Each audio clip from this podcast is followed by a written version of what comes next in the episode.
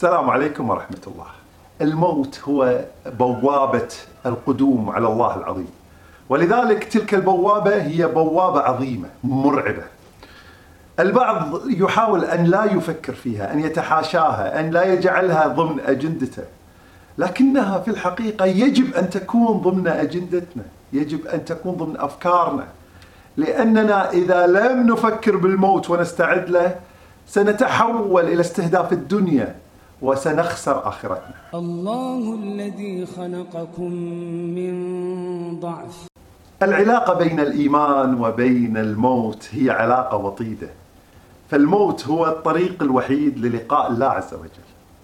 والمؤمن الذي عمل الصالحات يرغب بلقاء الله ويرغب أن يذهب إلى أعماله الصالحة. ولذلك نجد الرغبة الكامنة بلقاء الله والرسول صلى الله عليه وسلم حين أتى ملك الموت وخير بين أن يعيش وبين أن يموت اختار الله عز وجل وقال بل الرفيق الأعلى بل الرفيق الأعلى. أيها الناس أنتم الفقراء. المؤمنون الذين يعملون الصالحات ويواظبون عليها يجعل الرحمن لهم ود ولذلك يرغبون بلقاء الله الودود. وحينما تمر الأيام وتمر السنين هم يقدمون على الله الذي استودعوه أعمالهم الصالحة. ولذلك الإيمان يجعل فكرة الموت التي تشمئز منها النفوس هي فكرة لطيفة.